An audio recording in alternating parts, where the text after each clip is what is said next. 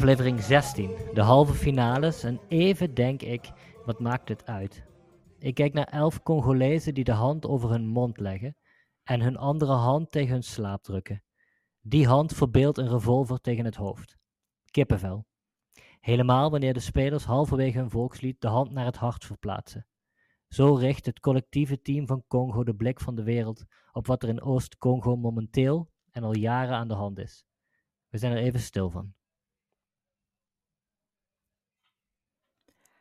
Ja, dat was indrukwekkend. Dat was echt heel indrukwekkend. Wat de spelers van Congo deden voorafgaande wedstrijd. We hebben het natuurlijk al, al gezien, gelezen, gehoord via social media ook voornamelijk. Dat de mannen die onthoofd worden, de vrouwen en de kinderen die misbruikt en verkracht worden. Wat er daar gebeurt. Alleen maar om kobalt. Om kobalt. Daar gaat het uiteindelijk om. Om een metaal waar ook gewoon een soort van, nou ja, soort van waar een genocide wordt gepleegd op het Congolese volk. En de regering kijkt gewoon weg. En dat daar de spelers van Congo bij stilstaan en daar nu in die halve finale aandacht voor vragen, ongeacht de uitslag van die wedstrijd, dat is iets dat we moeten vasthouden. Het is de schreeuw van het Congolese volk en daar moeten we naar luisteren. En daar moeten we, ja, met z'n allen eigenlijk bewustwording voor hebben. En hopelijk ook omzetten naar daden, I guess. En ook dat is trouwens Afrika Cup. We hebben het gezien met Ivoorkust uh, een aantal een decennia geleden, toen met Drogba, toen er die burgeroorlog was. Waar Drogba smeekte aan de, de, militie om de wapens neer te leggen. En nu zien we het weer. Bijna twintig jaar verder en het is nog steeds wat er gebeurt. We zagen het twee edities, op de vorige editie ook met, uh, met Ethiopië, dacht ik uit mijn hoofd. Waar ook natuurlijk gevechten gaande zijn en dat het volk vol achter het voetbalteam stond en het voetbalteam aandacht vroeg voor de horror die in het land gaande is. We zagen tijdens het WK met Iran. Weet je, voetbal is natuurlijk ook gewoon een zeepkist om op te staan en om aandacht te vragen voor de dingen die er echt toe doen. Die echt waarde hebben en die veel meer zijn dan met 12 of 11 tegen 11 een bal rondschoppen. En dat zet het wel even in perspectief, I guess. En over zeepkist gesproken, ja, een hele rare overgang, sorry. Maar we hebben natuurlijk wel twee halve finales van de Afrika Cup gezien. Twee halve finales. En we beginnen natuurlijk met Nigeria uh, tegen Zuid-Afrika. Which was insane. En uiteraard geven we altijd eerst een beetje achtergrond. Ik zou gelijk die wedstrijd in willen duiken. Ik hoor, en jullie mee ik hoor, nemen. Ik, ik wil nog niet te veel, te veel weggeven van. Ah, iedereen weet ook wel de uitslag. Maar ik wil nog niet.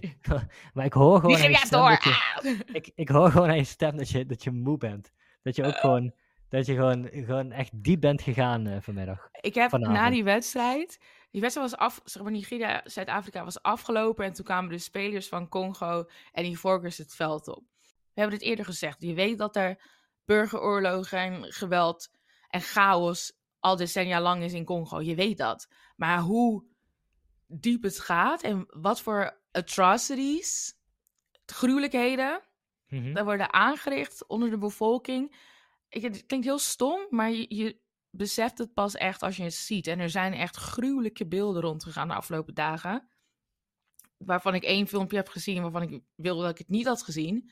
En als je mhm. dan ook de spelers ziet die op het hoogste podium in Afrika daar aandacht voor vragen. Dat, dat doet wel even iets met. Dus wat ik zei, ik heb de eerste 30 minuten van die wedstrijd enerzijds vanwege de energie die Nigeria van heeft gesleurd, maar anderzijds ook omdat je dan daarna gelijk met je neus op de feiten werd gedrukt van waar dit echt om gaat, de menselijkheid die schuil gaat achter deze spelers die we op het veld zien. Dus dat, ja, dat mooi. misschien, uh, er komen natuurlijk ook gewoon gasten uit Oost-Congo van dat team. Dat kan niet anders. Ja. Uh, ja, dat is, dat is, uh... nou goed, laten we, laten we... Ik zal een paar linkjes over wat er precies gaande is in Oost-Congo zonder de, de vreselijke beelden, maar gewoon even wat informatie, achtergrondinformatie zal ik in de show notes zetten, zodat mensen die er meer over willen weten, kunnen het gewoon lezen. En educate yourself en zien wat er gaande is in de wereld.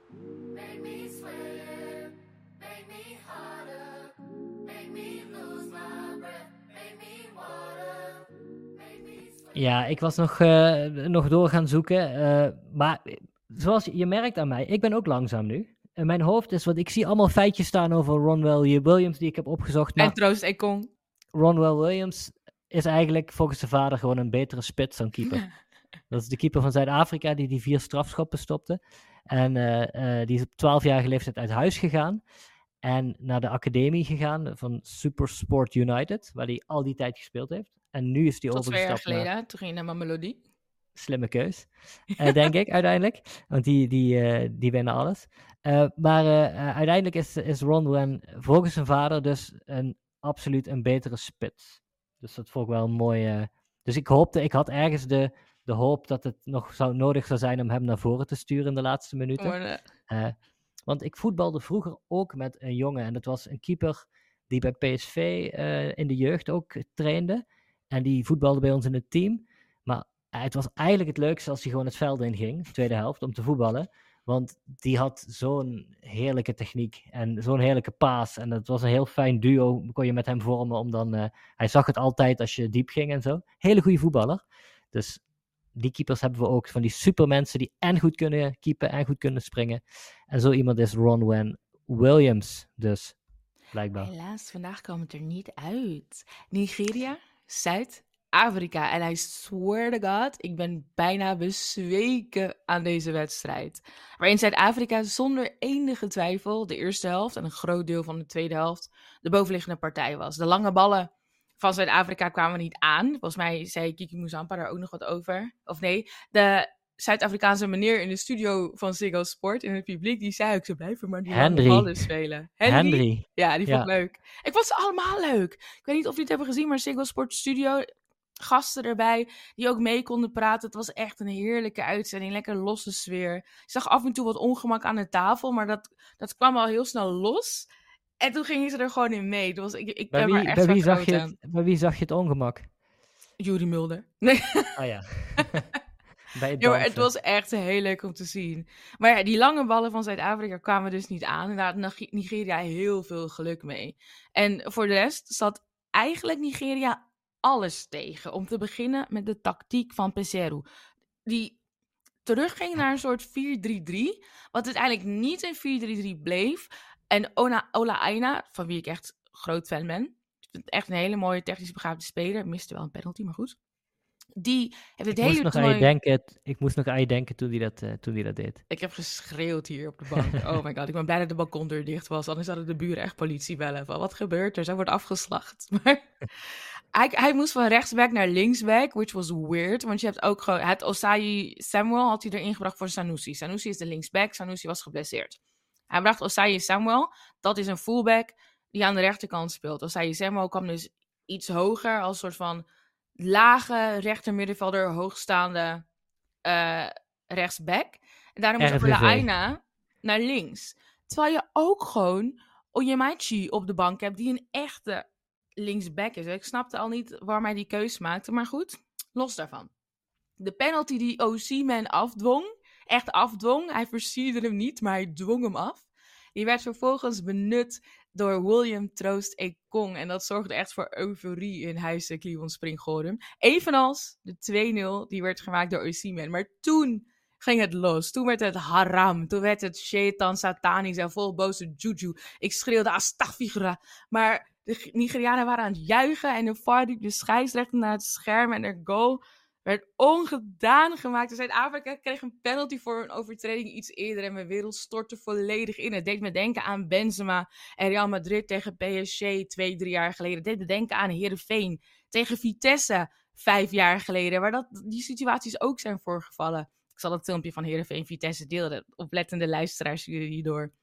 Maar toen dacht ik, ja nee, ik moet mijn mond houden. Ik heb gewoon te veel hoogmoed en grootspraak gehad voor deze wedstrijd. Ik heb tegen Dolf Jansen gezegd, Nigeria komt in die finale. Dat heeft hij me ontlokt, terwijl ik het niet wilde jinxen. Dus ik tweette, radiostilte tot we door zijn. En ik smeet mijn telefoon in een hoek. Me heel erg ervan bewust dat dit kon betekenen dat ik me nooit meer in het openbaar mocht roeren. Want stel je voor, Nigeria ging niet door. En Nigeria was ook echt bij vlagen machteloos. Was ook ondanks dat ze wisten dat Zuid-Afrika de joker Ronwell Williams had. De, de blijkbaar spits Ronwell Williams. Ondanks weten dat ze hier een keeper hebben die vier penalties heeft gestopt, leek Nigeria te spelen op penalties. En zo waren ze in de verlenging, nou ja, ze, Zuid-Afrika, was Zuid-Afrika in de verlenging veel dichter bij winst dan Frankrijk in de WK-finale. Maar het werd penalties en het werd de loterij. En Stanley, Manuel Neuer, Wabali stond op. Ik heb een keel schor geschreeuwd. Ik heb de balkon dicht gedaan, omdat ik dus niet wilde dat de buren zeg maar bang zouden worden en denken dat Sam me iets aandeed. Ik heb een halve liter wijn Stefaner, Duits bier, gewoon door mijn keel gegoten. Om te zorgen dat mijn stembanden nog een beetje aan par bleven. En ik heb, ik heb wasjes gedaan. Ik heb rozenwater en noenoembladeren gepakt. Ik heb blauwsel uit de kast getoverd. Ik heb gebeden gedaan en alles werd verhoord. Wat doen? De laatste penalty van Nigeria was nummer 14.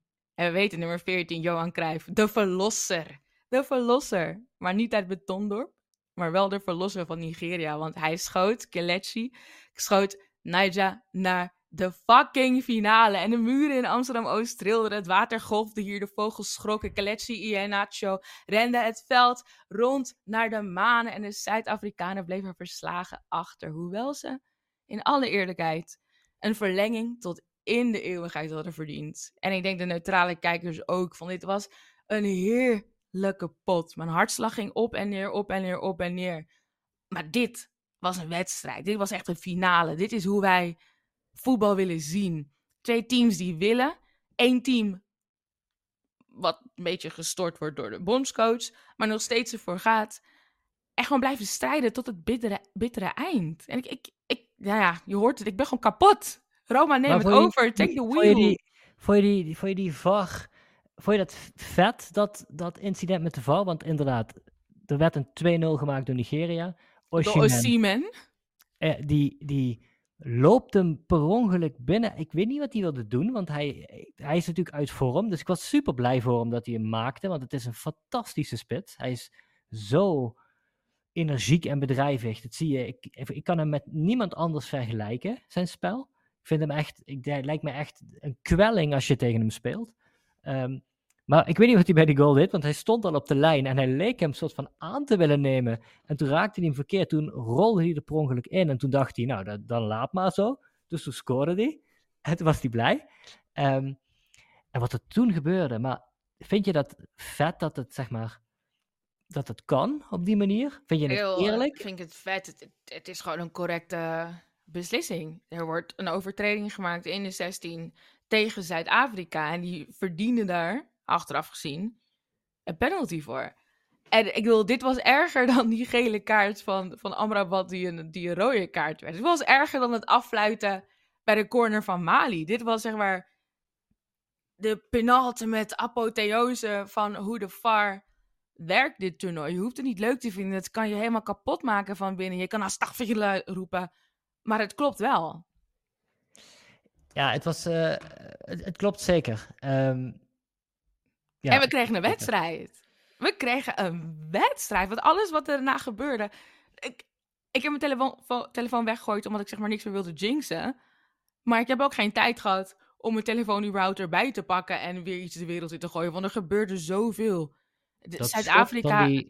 Dat schot van die nummer 9 van Zuid-Afrika, die spits. Hoe hij daar op een gegeven moment wegdraait en zo'n gruwelijk hard schot uh, loslaat. Uh, toen was ik heel erg overtuigd dat hij daarna die penalty, want hij, hij was ook een van de penaltynemers, dat hij die penalty natuurlijk echt in de kruising ging schieten. Want als je zo'n schot in de benen hebt, en toen schoot hij hem zo zacht links onder in de hoek. Ja. Dat, was, dat was zeer verwarrend. Was maar dat, was ook echt die, die vrije trap van Mokwena. Nou, we hebben Mokwena vrije trappen zien nemen tegen Marokko. We weten dat deze man het kan. Het was wel van een grotere afstand dan tegen Marokko. Maar dat schot was ook smerig. Dat schot was smerig. En Wabi Wabali had daar echt nog wel wat moeite mee. En dan die rebound. Edo Mouda ja. had echt 100% de 2-1 op zijn slof. 100%. En hij schiet hem gewoon over. En het was, we hebben het over de 94ste minuut of zo, toch? het, was, het was klaar, het was hè? Nog we dachten van eigenlijk... blessuretijd van officiële speeltijd. Ik dacht eigenlijk, dit is, dit is weer Afrika Cup uh, madness, hoe, hoe dit weer gaat. Want die wedstrijd wordt hier omgekeerd op een manier die ik nog nooit heb gezien. Kennelijk bij Heerenveen Vitesse of Heerenveen Twente. Heerenveen Vitesse. Heerenveen Vitesse, echt ik, ik kan het me niet herinneren dat ik dit ooit heb gezien. En, en, Ja, en dit- ook dus met en- Real Madrid PSG. Maar op je- deze manier, met deze belangen en deze emotie. Nou, Maar was je niet even nog verbaasd toen die scheids van dat scherm terugkwam? Sowieso, volgens mij kreeg hij de hele tijd... We hebben ook het scheids gezien die de hele tijd een verkeerd beeld kreeg. Och, dat, dat hebben we ook nog gehad, die... eh dat is de volgende wedstrijd, kom ik dadelijk op terug. Ehm, maar als die scheids terug het veld inloopt, dan zie je hem zijn handen zo kruisen. hè, Zo'n gebaar van, van het gaat niet door. Mhm. Dacht je toen niet van, oh, wat gaat er nou eigenlijk niet door? Want Oh nee, ik was gelijk. Nee! Toen schreeuwde ik dus astagfirullah. Toen was ik er helemaal klaar mee. Toen was het echt alle. Blijkbaar Arabische voorvadergoden die ook nog in me zitten, die kwamen toen naar mij. Ik dacht, nee, dit gaat me niet overkomen. Nu is het klaar. Nu gaat Nigeria naar huis. Nu gaat Zuid-Afrika gewoon door. Het is over. Oh my lord. En het was niet over. Het was Nigeria niet werd, over. Nigeria werd sowieso sterker toen, toen jouw Youssef erin kwam, waar je het Oh, eigenlijk over Al-Hassan hebt. Youssouf is... We hebben hem gezien, die eerste wedstrijd. We hebben hem eigenlijk in zijn volle kracht alleen maar die allereerste wedstrijd gezien. En toen is hij dus gewisseld na de eerste helft, of eind eerste helft, denk ik. Omdat hij geblesseerd is geraakt. Maar hij speelt voor twee man op het middenveld. En ik roep het iedere keer. Nigeria heeft geen middenveld, Nigeria heeft geen middenveld, Nigeria heeft geen middenveld. En door die tactiek aan te passen heeft Peseru kunnen doen ogen alsof er wel een middenveld was. Jij zei het volgens mij de, de laatste aflevering nog.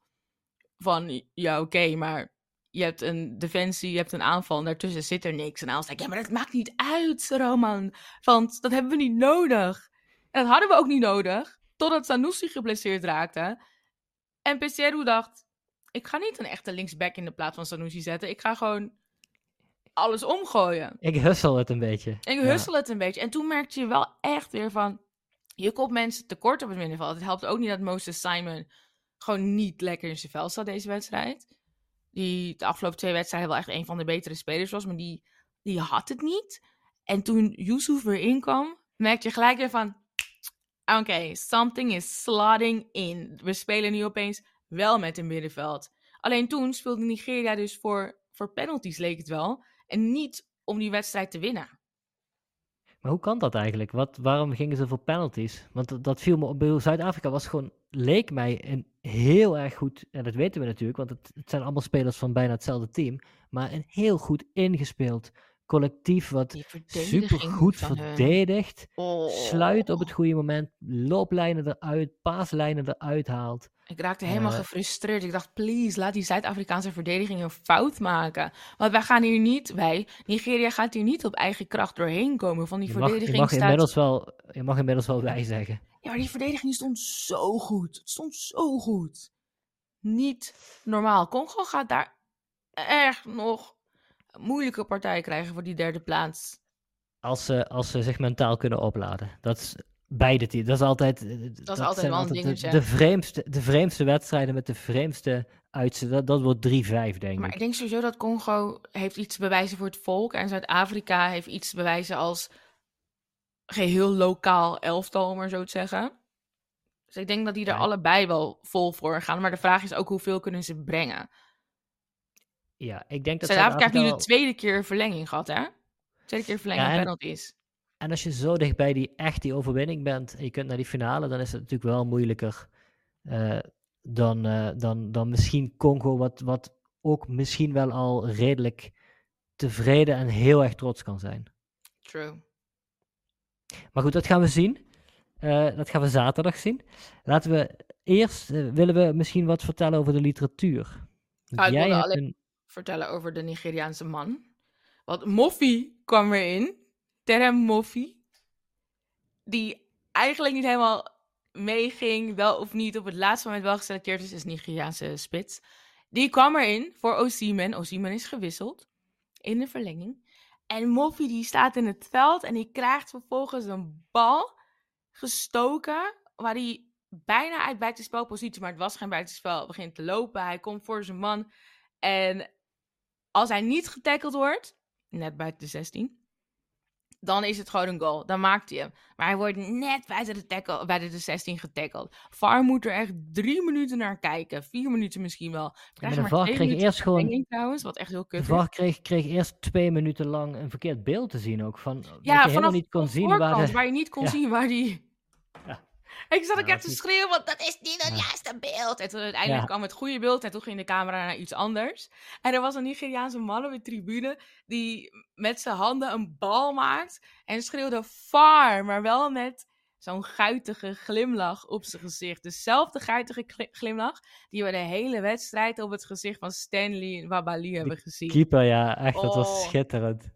Toen hij, toen hij uit moest komen, toen hij kwam heel ver uit. En toen rende hij terug. Toen kwam hij ver uit en toen moest hij terugrennen naar zijn goal. En dan was hij alleen maar aan het lachen. Ja, dat was echt schitterend. Maar ook met die penalty-reeks. Dat hij even zijn tong nog uitsteekt en aan het lachen is. Wat ik ook heel mooi vond trouwens. Na iedere ehm, pingel die hij moest stoppen. Hij heeft er twee gestopt volgens mij.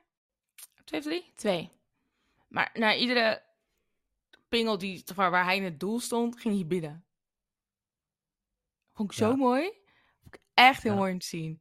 Misschien heeft hij wel net als, eh als eh, van Paraguay vroeger eh, een medaillon wat hij, wat hij na elke redding gaat kussen in de toekomst. Of waar hij, waar hij, waar hij naar bidt. En terecht man of the match. Terecht man of the match. Heel vervelend voor Ramon Williams. Misschien moet je spits worden in plaats van keeper. We don't know. Ik had hem wel graag, graag een laatste penalty zien schieten nog, die Ron Wil- Williams. Die had hij waarschijnlijk wel erin geschoten. De eerste penalty van Nigeria was trouwens zo slecht. Die ging er wel in.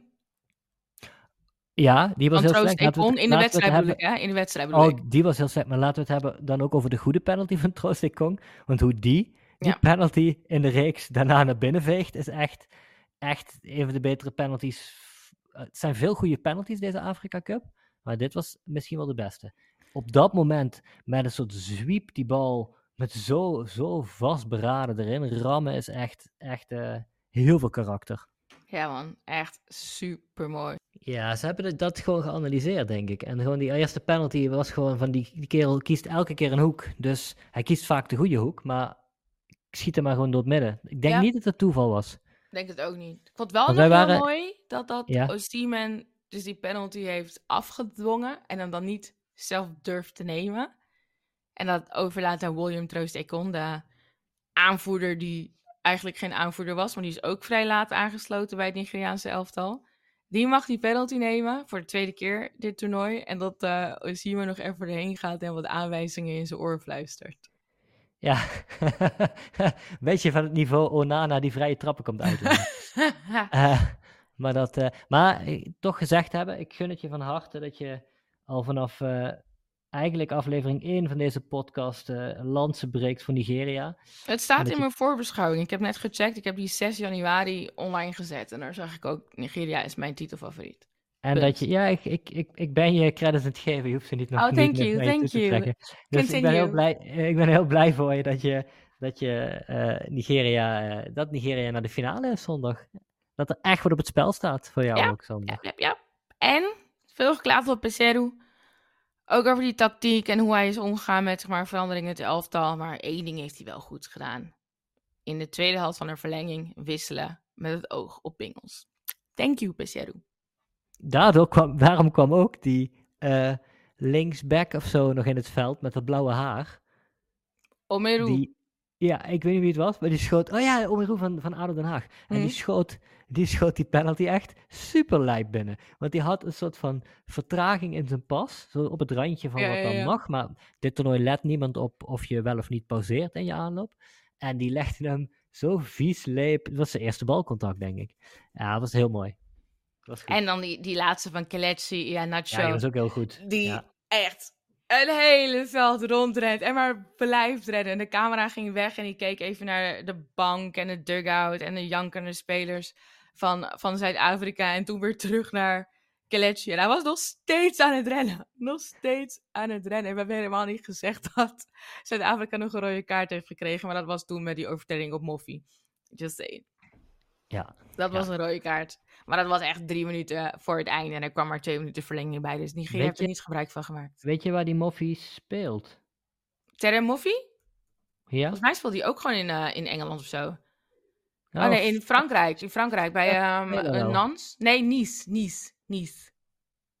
Vette speler. Nice. Moffie. Mooi kapsel ook. Ja, eigenlijk wel. We hebben wel weer de, de vloek van de literatuur voortgezet. Oh nee, niet voortgezet trouwens. We hebben het gebroken. voor, we hebben hem gebroken. We hadden een goed. moeten doen. Oh my god, nee, we hebben de vloek gebroken. Ja. Vervelend dit. Want je hebt een Ivoriaanse eh, kort verhaal meegenomen. Ja, van eh Edwige René Dro. Dat is een eh, Ivoriaanse schrijfster en ook een activist. En ik, ik, vind haar activisme ook gewoon heel mooi. Bijvoorbeeld in maart 2020 heeft zij een, eh, een bibliotheek geopend in Abidjan. Waar de focus ligt op werk van vrouwen uit Afrika. En die bibliotheek heeft ze in 1949 genoemd.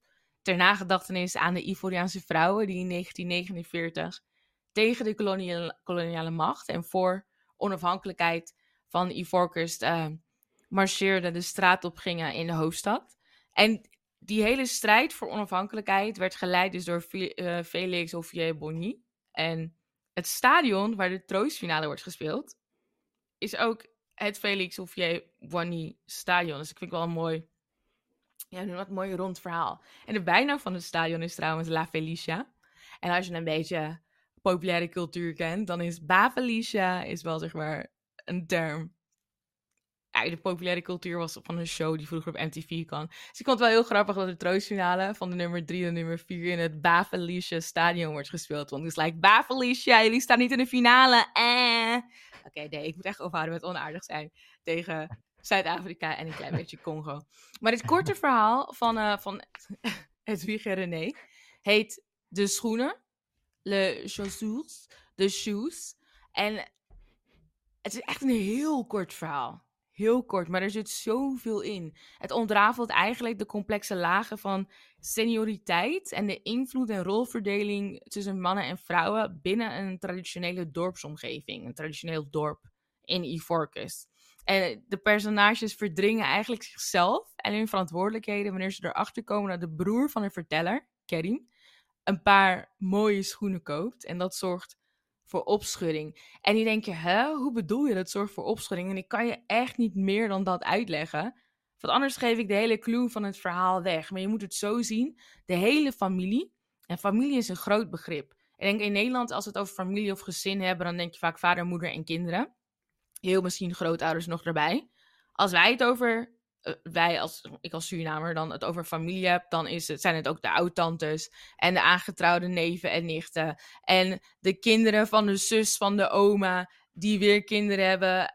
En daar met die zijn en zus en zo. Familie is een groot begrip. Als wij familiedag hebben, dan zijn er minimaal 200 man. Dat hebben we één keer tot twee keer per jaar. Hartstikke gezellig. Ja. Mijn, mijn afval, mijn overgrootoma had acht kinderen. En die acht kinderen hadden ook allemaal kinderen. En dus alles vanuit afval, vanuit mijn oma, grootoma, eh, zeg maar vanuit mijn grootoma. Al die vertakkingen die in Nederland zijn. Een deel wat ook nog in Suriname, maar die in Nederland zijn. En vaak vliegen we ook wel iemand over uit Su. Die komen dan samen op familiedag. En dat is echt één groot feest. En dat is familie. En dat begrip van familie zit dus ook in de schoenen van Edwige René. Het is niet Maar dan alleen nog maar... iets groter. Dan nog maar dan iets nog iets groter, Ja. inderdaad. En ik denk dat de eerste alinea van het verhaal, die trekt je gelijk erin. Ja, dus ik ga helemaal niet meer uitweiden over dit verhaal.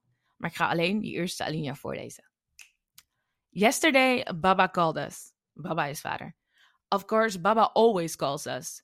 If a father doesn't call his children, what kind of a father is he? So he calls us to say, Go fetch water for me, or Your mothers have brought the food over, come let's eat, or to say, Go and run this errand. But this was another type of calling. This calling gathered us all the children, and we are many. Maybe we are 14, but I have never counted us. It is bad to count people who are still breathing. Only the dead are counted.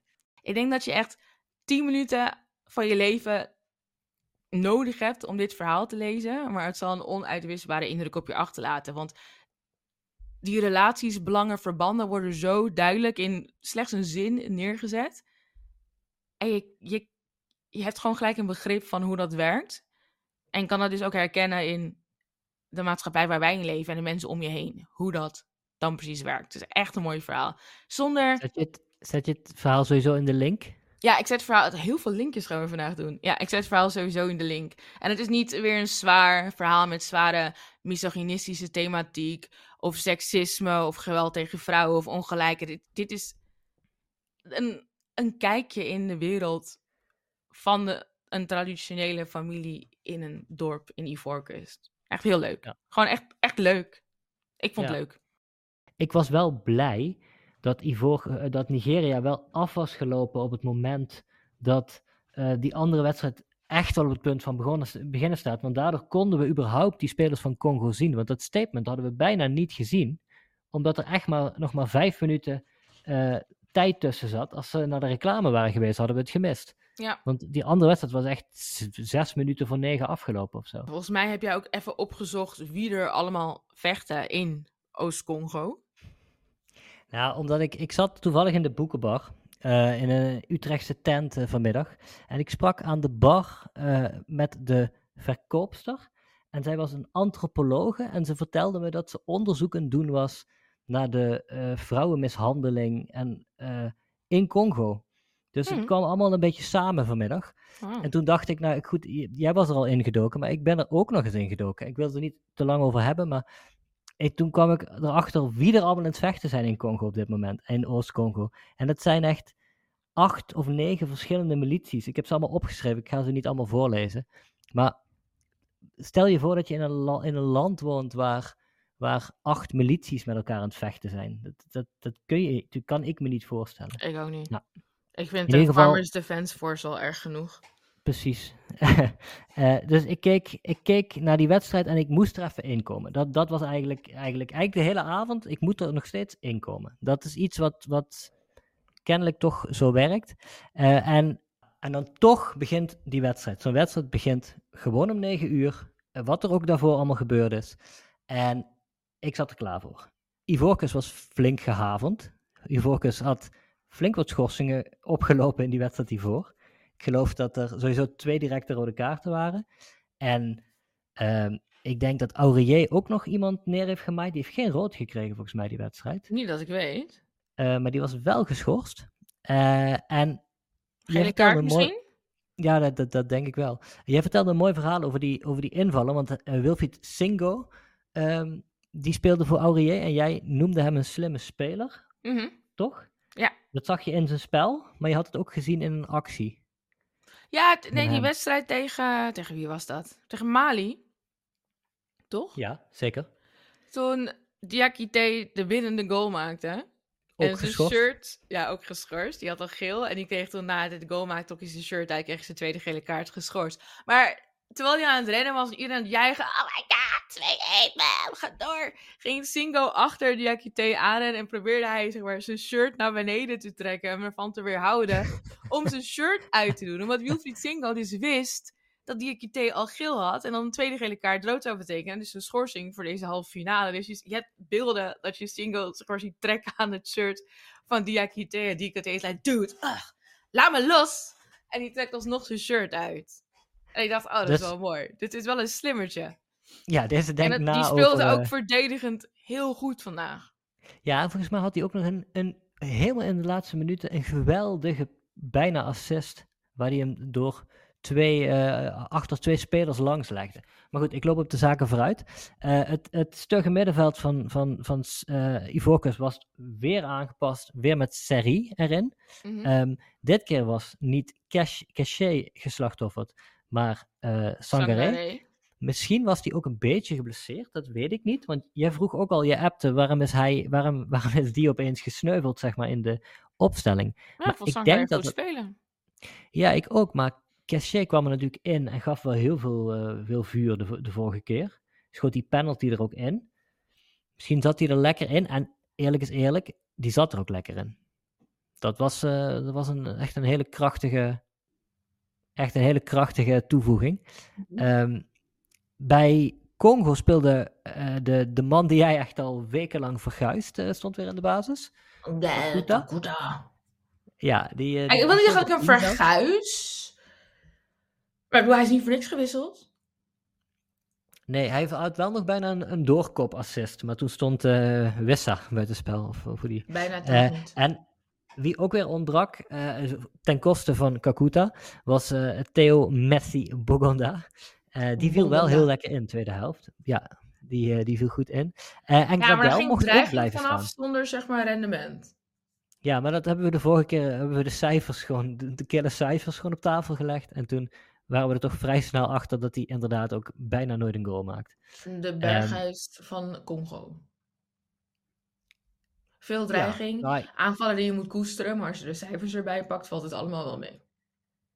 Ja. Dat heeft Kenneth ja. Perez laatst gedaan, de cijfers van Berghuis erbij gepakt. Oké, en dat viel heel erg tegen. Tegen, ja. Ah, jij. Um, nou, Gradel deed mee. Uh, die mocht dit keer het op rechts proberen, vooral omdat hij de vorige keer op links stond en dat ging niet zo goed. Maar ik was echt verbaasd dat hij... Eh, Gradel? Ja, dat hij mee moet doen, aanvoerder zelfs. Oh! Tweede helft volgens mij. Toen, uh, toen, toen denk ik Cassier eruit ging dan. Uh, nou, het spel golfde op en neer. En ik denk dat wat Ivoorkust echt redde, en daar hadden we het de vorige keer al over, is dat ze Haller konden brengen in de punt. Mm. En die stond in de basis dit keer. Dus laatste parkeren steeds 20 minuutjes meedoen. Nu in de basis. En dan zie je gewoon wat een ongelooflijk goed aanspeelpunt dat is. Hoeveel rust dat aan, dat aan dat team brengt. Want ook moeilijke ballen die je op zijn strottenhoofd aanspeelt, zeg maar, die neemt hij gewoon aan. Dat is een geweldige Kukuba. Love ja, het zag er echt goed uit ook weer. Uh, past, past hem niet per se, voor mijn gevoel. Het is alsof ik naar iemand, ja, het, het, is alsof ik naar twee personen kijk die samen zijn gegaan. Welke twee personen dan? Ja, iemand met dat haar en Haller. I like it. Ik vind het mooi. Ik vind het mooi. Uh, hij deed een omhaalpoging in de eerste helft. Ja. Uh, er waren meerdere omhaalpogingen in deze wedstrijd. Ik weet niet waar het opeens vandaan kwam, maar het spelplezier was wel weer terug daarin. Ja, maar het was ook um, een... Ze speelden allebei best chaotisch. Die openingsfase met die goal van Bakambu? Ja. Toch? Die natuurlijk werd afgekeurd, omdat, mm. die, omdat, omdat de, de bal uit de handen van de keeper was getrapt. Maar alsnog. Ja. was wel vuur van beide kanten. Goeie, Chaos en ja. vuur. Congo begon met allemaal indraaiende corners die, die soort van bijna in één keer uh, in de goal vielen. Um, en Ivoorkust, moet gezegd worden, draait nog steeds, vind ik het niet goed. Uh, het is op enthousiasme en op kracht en op talent van, individu ja, van individuen en op 80.000, 60.000 man die meeschreeuwen. uh, dus dat helpt wel. Um, maar het spat er niet vanaf. Uh, de, de, de, ook de, de, de huidige nieuwe bondscoach die we... Die we ja, en Merse. Ja, die heeft... Ja goed, die heeft natuurlijk ook... Die kan ook helemaal niks doen, want die is er pas een week. Um, maar die, die krijgt het nog niet echt... Uh, uh, het, ja, het swingt niet, maar dat is ook hartstikke logisch. En het hoeft ook niet te swingen om die beker binnen te halen, denk ik. Excuse me? Ja. Om de finale te behalen. Dat is echt, ja, de finale. Calm your titties. Dat, uh, dat wordt wel echt heel vet. Dat we, want uiteindelijk um, krijgt Haller tweede helft nog een... Alles is Haller, merk je het? Mm -hmm. Haller was alles in deze wedstrijd. En Cassier. Cassier schoot hem op de paal nog. Schoot daarna nog een bal heel hard goed in. Maar echt op wilskracht. Uh, dat ze Haller had ook een kopbal die er echt in moest. Oh my ja. god. Ja. die, die zet zijn hand op zijn hoofd en wil bijna gewoon de, de catacombes inlopen door die bal die Haller daar mist. En die goal ja. die Haller maakt, laten we eerlijk zijn, dat is ook een gelukje. Want hij raakt hem helemaal verkeerd, waardoor hij op de grond stuit en daardoor over een pasie heen gaat. Als hij hem goed had geraakt waar hij hem wilde raken, denk ik dat een pasie misschien nog wel had gehad. Dat is waar, maar als je zo'n bal, want er komt een voorzet van de, van de zijkant, goede, goede slingerende voorzet. En Haller doet een stapje achteruit, omdat hij ziet dat de, dat de, de, de verdediger onder de bal doorgaat. En in plaats van het luchtduel aan te gaan of tegen die rug aan te springen, doet hij dus dat stapje achteruit. Mm -hmm. En dan doet hij met een slatanachtige voetbeweging, haalt hij hem van achter zich vandaan, een soort van, op, ander, waarschijnlijk trapt hij over mij heen op dit moment, zeg maar, als hij zo hoog zijn been heeft. uh, ik ben 1,73. Uh, dat been hing heel hoog. En hij weet het ook nog zo te knikken, die enkel, dat hij richting goal gaat. Ik vond het echt spectaculair. En hij botst inderdaad een beetje lullig over de keeper heen. Uh, maar ik vond het wel um, typisch Haller. Zo heb ik hem bij Ajax ook een goal zien maken. En bij Utrecht ook. Fair dus ik, ik vond het wel heel vet. En ook heel erg gegund. Want die man heeft, heeft natuurlijk ook een waardeloos toernooi is, gehad tot nu toe. Altijd weer geblesseerd, heeft een zwaar jaar gehad. dus ik vond het heel vet dat hij hem maakte. En vanaf dat moment voelde je ook wel dat, dat Congo wel... Congo komt vaker achter dit toernooi, volgens mij. Dus Congo daarvan komt altijd achter. Misschien, misschien kantelen ze het. Maar, dit was de eerste keer dat ik niet dacht dat ze het om zouden kunnen draaien. Ik ook niet, maar waar zat dat dan in? Ik, ja, ik weet het eigenlijk niet. Het oogde allemaal zo onmachtig. En ook in die slotfase, hun zogenaamde slotoffensief, waar het alleen maar lange en hoge ballen naar voren waren. Het leek alsof er geen idee achter zat. En dat ze zelf ook een beetje met de moed der wanhoop aan het spelen waren. En dat, dat zag je zeg maar in voorgaande wedstrijden als ze achterkwamen. Dan was het oké, we gaan nu herorganiseren. En we gaan het op een andere manier doen. En dit is plan B en dat gaan we nu uitvoeren. En nu was het, oh my god, what are we supposed to do? Welke letters van het alfabet gaan we uitvoeren? We don't know, bal naar voren. Zelfs Visa, zelfs Visa. En you know I love Visa, Dat heb ik, heb ik Visa eerdere wedstrijden ook wel al zien doen, hoor. Gewoon ballen voor de goal, voor de goal gooien. Deze, dit keer stoorde het me en eerdere wedstrijden stoorde het me niet. Elia het is allemaal emotioneel, Roman. Het is allemaal emotioneel. Elia, Elia was wel goed. Uh, en ook schitterend dat die Fofana, die, die was denk ik weer leeggestreden, want dat is ook echt een van de dragende spelers van dit team. Redelijk vroeger uit, rond de 60ste minuut. En die was het publiek weer aan het jagen daar echt, ik vind Fofana heeft wel een beetje, stilt wel een beetje mijn, uh, mijn hart, uh, dit toernooi ook. Qua hoe die, hoe die, die drive. Er zit een enorme drive achter. Ik kende hem niet zo goed, maar ik, ik vind dat, dat hij die ploeg er echt doorheen heeft gesleept in die eerste wedstrijden. En ik vind dat hij het nu nu pakken die anderen de rol, maar hij, hij sleept op de achtergrond nog wel mee, zeg maar. Ja, ben je dus, nu uh, stiekem een Ivoriaan geworden? Hè? Wat zei je? Ben je nu een Ivoriaan geworden? Nou ja, ik, het, is geen, het is geen geheim dat ik al, dat ik al twee wedstrijden lang uh, op de, op de, de wagen van de Ivoorkust spring. Ja, nee, wel een beetje. Nee, ja goed, het is wel leuker voor het verhaal natuurlijk als ik... Uh, sowieso, wat een, wat een verhaal is het niet dat, dat je op dit toernooi zo doorgaat met Ivoorkust. Dat had niemand verwacht. Ik ben nog steeds niet over het 4-0 verlies tegen Equatoriaal Guinea heen. En dan gewoon billen knijpen of je nog überhaupt door kan als beste derde. En nu sta je vervolgens in de finale, terwijl je halverwege het toernooi uh, Jean-Louis Gazet, je trainer, hebt ontslagen. Probeert om Hervé naar los te weken te lenen van de Franse bond. Het dan maar moet doen, tussen aanhalingstekens maar. Moet doen met de assistentcoach die dan interim wordt. En dan heb je Emerse Faye. En je staat hier gewoon in de finale. What? Ja. Hoe kan dit? Ja. Heel vet. Uh, en uiteindelijk nog een, nog een paar enorme kansen voor Haller trouwens. enorme lopkansen nog. Uh, maar ja, toen, hij, hij begon ook echt met heel veel zelfvertrouwen te voetballen op dat moment. En die, die lop was daar een voor, eh, ook een soort van logisch gevolg van. Maar die ging dan wel weer naast. Dus hij is er nog niet helemaal. Um, maar hij is wel op de weg terug, denk ik. En dat was ook mooi toen en... hij gewisseld werd. Toen zei de commentator, laten we even luisteren naar het applaus voor Haller. En het was echt Klonk... oorverdovend. Ja. Ja, heel vet. Het was, dat is wel, uh, je gunt het, al die, al die mensen die ook al die, al die, al die, al die slechte wedstrijden van hun land in het thuisland hebben gezien en gedesillusioneerd zijn geraakt. Die gun je ook wel dit heerlijke succes. Ik zag prachtige beelden uit die voorkust, hoe er gejuicht werd en, en op de straat wordt, wordt gedanst. Over uh, mensen gesproken trouwens, die de wedstrijd live hebben gezien. Julien Bibea is natuurlijk afgereisd naar Ivoorkust om zijn Congo de halve finale te zien spelen. En helaas te zien verliezen. Maar dit had hij erover te zeggen. Hey Daniela, ik had beloofd dat ik ongeacht het resultaat een voicing sturen, dus bij deze. Het resultaat is niet wat we hadden gehoopt. Um, helaas 1-0 verloren met het kleinste verschil. Maar uh, ik denk dat de Congolezen allemaal trots mogen zijn op, uh, op het hele toernooi van de, van de ploeg. Um, ze hebben hun platform op de juiste manier gebruikt. Uh, als je ziet dat ze tijdens het, tijdens het volkslied deden, een, een, steunbetuiging aan de slachtoffers in het oosten, dan denk ik dat we niet meer dan trots kunnen zijn op wat de jongens hebben gepresteerd. En hopen dat zij misschien een derde plaats kunnen afdwingen. het is zuur dat ze op deze manier eruit moeten met het kleinste verschil. Maar ik denk dat dat een correct weergave van de wedstrijd was. Ik denk dat we enkel in de eerste 15, 20 minuten van de eerste helft een beetje dominant waren. Maar, maar in de tweede helft was uh, Ivoorkust gewoon beter. Dus helaas, dat is de sport. Maar ik hoop dat we tegen Zuid-Afrika toch nog een, mooie prestatie kunnen neerzetten. En toch met een tevreden hart naar huis kunnen gaan.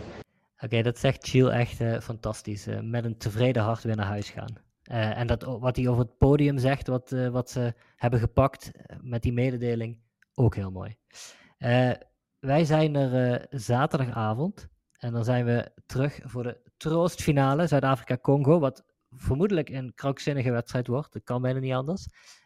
ik ga alsnog gewoon het laatste verhaal uit Nagando van de Congolees Lomani Chishamba Bamba uh, bespreken. Als Danielle het goed vindt. Uh, ik zie haar nu kijken hoe ik die naam weer verkeerd uitspreek. um, en we kijken vooruit naar de finale van zondag natuurlijk. Nigeria Ivoorkust. en we blikken ook nog terug op deze magische afkon. favoriete wedstrijden, mooiste goals, vreemdste momenten. We, gaan ze allemaal toch even noemen, denk ik. En als er nog dingen zijn die jij ons wil laten weten, stuur dan een berichtje via Twitter of Instagram. Tot zaterdag.